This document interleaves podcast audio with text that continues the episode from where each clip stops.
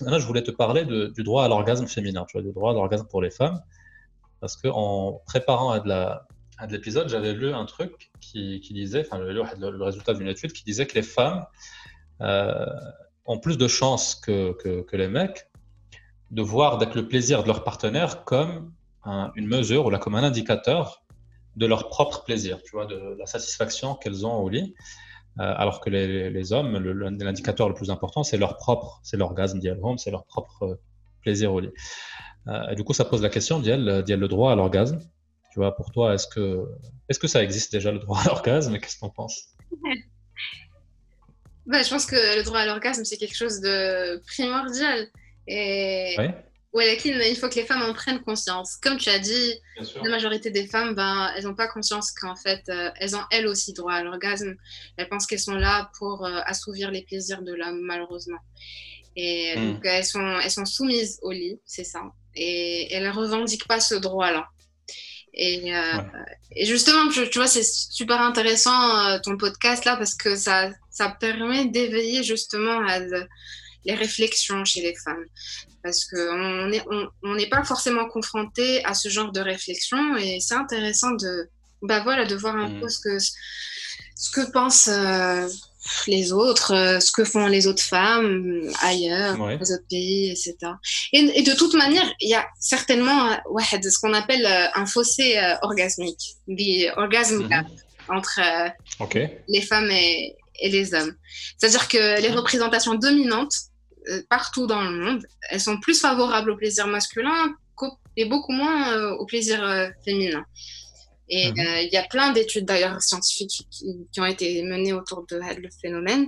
Il y a l'étude qui a été menée aux États-Unis par le journal officiel de l'Académie nationale de recherche sur la sexualité. Elle a été publiée, je pense, en 2017. C'est une étude, mhm. une étude qui a été menée sur plus de 50 000 personnes, hommes et femmes. Et en, fait, on leur a juste demandé est-ce que euh, il ou elle jouissait la plupart du temps ou tout le temps avec un partenaire. Pour les mhm. hommes hétérosexuels, la réponse est oui à 95%. Et pour les femmes hétérosexuelles, elle est juste de 65%. Hmm. Donc, euh, et, et, ensuite, quand il pose la question aux femmes lesbiennes, ça monte mhm. à 86%. Et ça, c'est très intéressant. Parce que tu vois, mhm. il y a vraiment 20 points d'écart entre les femmes hétéros et les femmes lesbiennes. Et finalement, du coup, c'est pas à cause des femmes. Euh, hmm. C'est-à-dire que les femmes n'ont pas un problème euh, biologique de jouissance ou autre. C'est plus comment l'homme perçoit le droit à l'orgasme de sa, de, sa partenaire. C'est-à-dire qu'il y a plein de femmes qui me disent, ben, il y a des, mecs qui vont avoir leur relation sexuelle, et une fois qu'ils ont leur plaisir, ils se lèvent, ils, partent aux toilettes, et ensuite ils dorment. Il n'y a même ah, pas... Et le mec qui dort à la fin. et la femme, elle reste comme ça, en tant qu'elle Elle reste braquant. C'est ça. Hein. Et euh, bien sûr.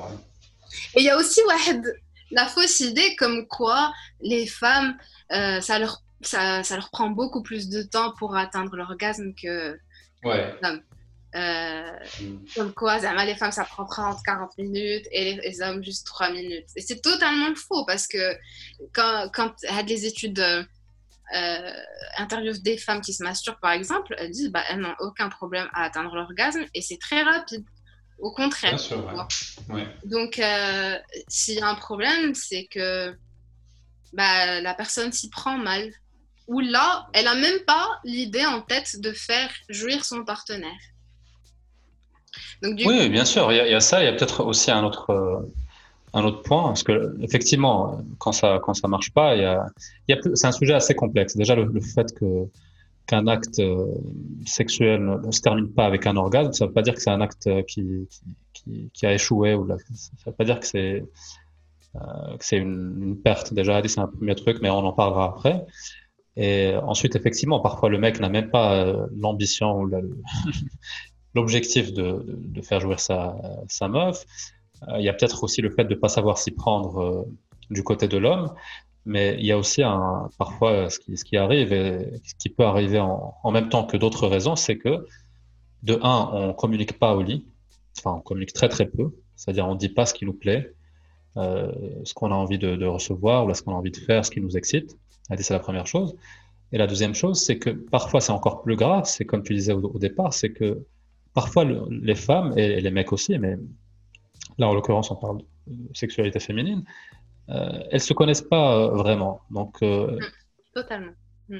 Ça fait plein de facteurs, tu vois, qui complexifient Adia, mais, mais moi je suis complètement d'accord avec ce que tu as dit. Je voulais juste apporter une, tu vois, une, petite, une petite précision parce que je كتعطى كيف الدراري وكتعطيهم اجي اجي ندافع على راسي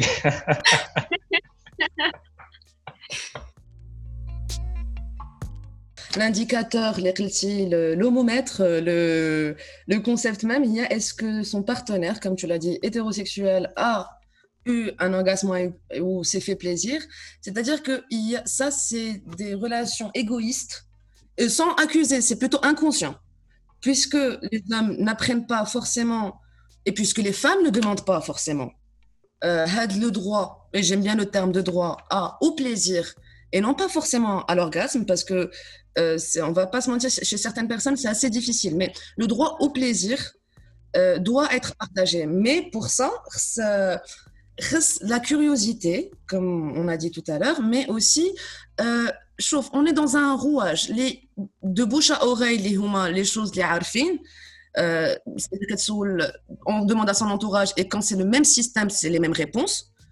Donc, euh, les mêmes questions qui se répètent, c'est est-ce qu'il a appris son pied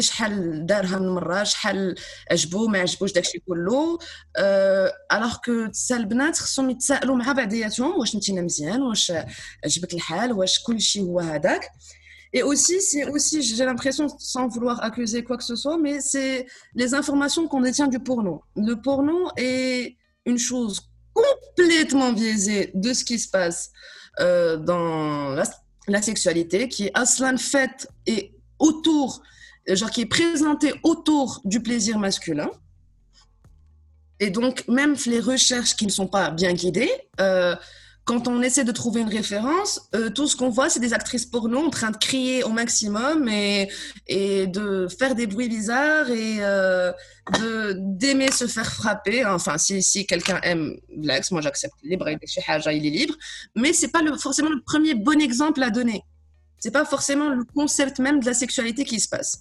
Donc oui, les femmes sont inégales, mais euh, c'est modifiable. Il faut que les femmes se posent la question qu'est-ce que j'aime, qu'est-ce que je veux? Donc, il faut d'abord commencer par se connaître, comme on l'a dit. Donc, si elle sait ce qu'elle a et qu'elle ne l'a pas avec son partenaire, elle saura qu'il y a quelque chose qui cloche. Et à ce moment-là, il ne faut pas avoir honte. Au contraire, ça forge les relations. De dire, voilà, est-ce qu'on peut essayer ça? Est-ce qu'on peut faire ça? Euh, Et les deux, il faut qu'il y ait quand même euh, une information chez les garçons euh, pour qu'eux-mêmes essaient de comprendre comment ça se passe. Parce que si on part d'un point de vue physiologique, chez les hommes, c'est assez. Enfin, non, c'est plus simple que chez les femmes, puisque c'est excitation. Enfin, il y a un stimulus, quel qu'il soit. Il y a une stimulation, excitation, éjaculation. Alors que chez les femmes, on va dire que c'est une machinerie un peu plus complexe. C'est-à-dire que euh, les hommes sont très visuels, les femmes le sont aussi, mais la sphère sentimentale joue également. Il faut une connexion avec son partenaire, se sentir en sécurité, tout ça, pour pouvoir se détacher et jouir. Mais il faut baisser la pression de est-ce qu'elle a joui ou pas. Au final, c'est magnifique, oui, en soi, que toutes les femmes aient leur plaisir à la fin. Mais euh, il faut aussi se dire que tout l'acte doit être du plaisir, du partage, quelque chose de bien, euh, de la curiosité et ça va souder. Ça ne, ne peut que souder un couple. Alors, euh, c'est une très très bonne question. Euh, une question, je pense, peut-être que Zama Jabi, Nisa Fadonia, parce que, bah, quel Zama le monde arabe ou là, le monde européen, occidental, développé, je pense que c'est vraiment une question qui se pose de plus en plus dans cette société qui revendique beaucoup d'inégalités. Parce que clairement, là, c'est une inégalité entre l'homme et la femme, puisque tu me parles de droit à l'organe, C'est-à-dire qu'il y a un droit qui est en moins chez la femme, clairement. Euh, et, euh, et, je pense que il y a deux choses. Déjà, il y a la, y a la c'est pas la culpabilité, c'est pas le bon terme, mais main, la femme au lit avec son compagnon, elle se sent obligée, il y a une pression qui s'exerce sur elle en se disant euh, mon copain, mon, mon amoureux, bohème, il faut que, que je le satisfais. Parce que c'est mon droit, c'est mon devoir, pardon, en tant que femme, je me dois de lui, de lui donner ça. Et, ça, euh, je pense, selon moi en tout cas, que ça, ça vient d'une chose qui est 99% du temps, une, relation, euh, enfin pas une relation, un rapport sexuel se termine à partir du moment et prend fin à partir du moment où l'homme finit, termine. Pour euh, utiliser le, terme, éjacule. Donc euh, voilà, je sais pas si je peux utiliser le terme, mais voilà, il éjacule. Donc il, voilà, donc il a, il, met fin en fait à l'action. Et du coup, quand, tu arrives à ce moment-là, c'est comme si tu arrivais à la, ligne d'arrivée, tu vois c'est la partie finale du rapport, bah, tu te dis, bon, bah, le monsieur a terminé. cest à dire quoi? Cest dire que c'est lui qui donne la fin du, rapport. C'est lui qui le, il prend son petit drapeau et dit, ça maintenant.